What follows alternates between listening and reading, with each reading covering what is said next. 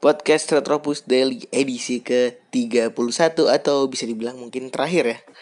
Di Piala Dunia kali ini tanggal 15 Juli 2018. Hah, lo pasti udah tahu ya, gue bakal ngomong apa hari ini.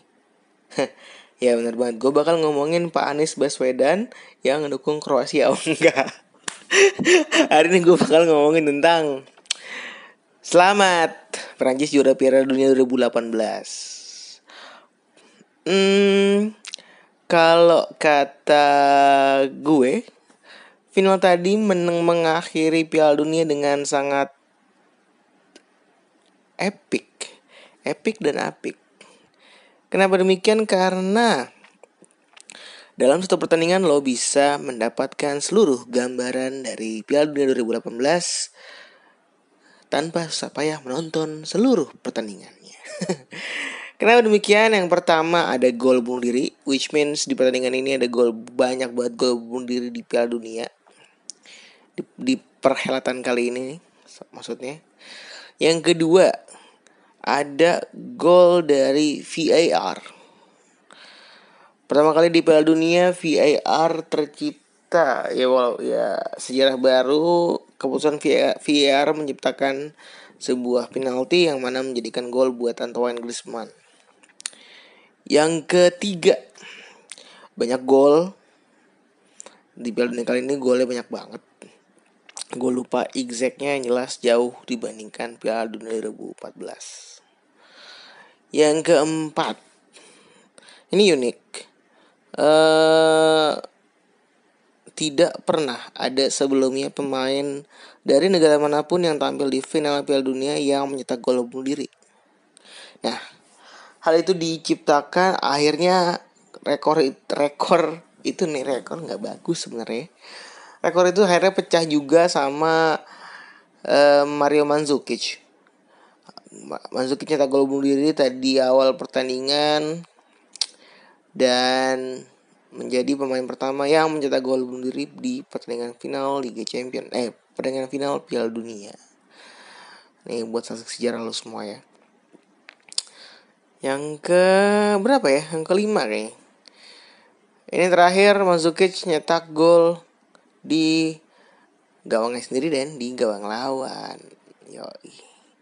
Lalu selanjutnya ini terakhir deng, sorry.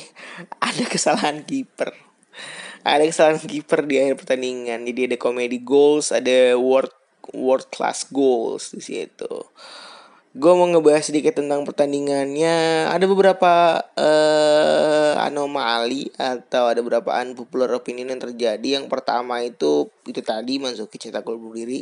Yang kedua Ngolo Kante diganti sama aduh kok gue lupa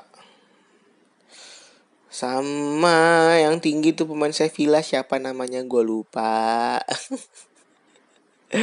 yang gue Kante harus diganti dan bermain jelek. Enzonzi, astagfirullahaladzim. Gue inget dia main di Stock City kan. N'Golo Kante bermain tidak cukup baik mengawal di tengah menemani Pogba dan harus diganti sama Steven Zonzi. Agak-agak unpopular opinion ya karena semua orang menjagokan N'Golo Kante menjadi jenderal lapangan tengah dari Prancis. Uh, ya, dan menurut gue unpopular opinion lagi Subasik mainnya underperform cuy. Dua kali dia harus uh, apa ya gue nyebutnya mati langkah. Dua kali dia mengambil langkah yang salah. Pertama di gol Kylian Mbappe yang kedua di golnya uh, Paul Pogba. Di di golnya Paul di golnya Paul Pogba uh, memang ketutup sama back. Di golnya naik di golnya Kylian Mbappe sebenarnya si Subasic itu ada di sisi yang benar dalam artian dari sisi kanan Mbappe juga menembak ke sisi kanannya dia tapi dia mengambil langkah ke kiri dan Mbappe gol kanan akhirnya lompatnya setengah-setengah. Ah kayaknya kemenangan Prancis menjadi kemenangan para teman-teman gue yang prediksi kemarin. Mereka optimis pertandingan akan terbuka Kroasia akan memberikan perlawanan tapi tetap Prancis yang menang. Kalau quotes dari Aditya Warman teman gue yang kemarin gue ajak ngobrol kita ajak ngobrol di podcast Retropus uh, dia bilang kalau misalnya uh, Kroasia ini bakal kayak Italia di Piala Eropa 2012 dan terjadi ya kejadian di Piala Eropa 2012 Italia di akhir itu kalah. Ya kan dia kalah.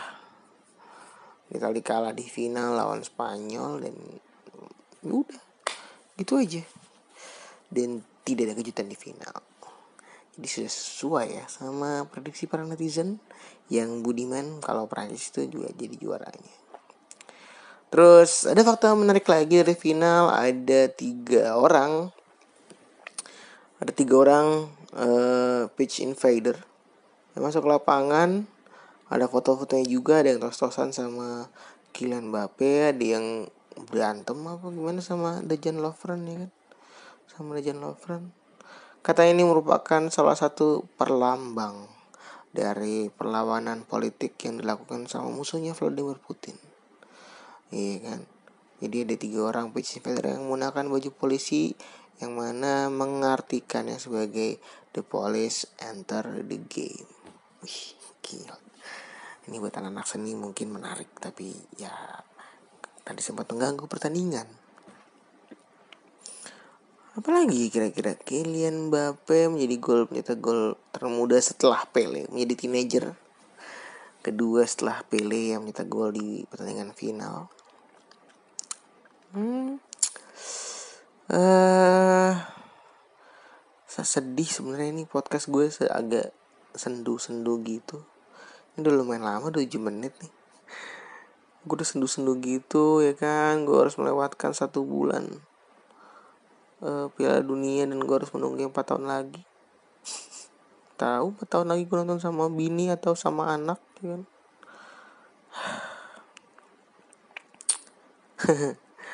Oke segitu aja podcast uh, Retropus Daily hari ini. Atau nanti nggak tahu ya si Andri pengen menjadikan podcast Retrobus Daily sebagai terus-terusan atau kita mau memberhentikan ini? Kayaknya kita mau berhenti di hari ini nih Terima kasih Rusia 2018 Terima kasih teman-teman yang udah dengerin podcast Retrobus Daily selama Piala 2018 uh, Enjoy the show Enjoy apa Enjoy uh, istirahat break dari sepak bolanya. Kalian urus dulu dunia kita masing-masing. Yang kalah judi yang megang Kroasia ya siap-siap makan kecap lah sisa bulan kali ini. Thank you from me Febri and selamat buat Prancis gue ngucapin selamat ketiga kalinya yang sabar Kroasia dan yang sabar juga Dejan Lovren empat kali final berturut-turut dari harus kalah. And bye bye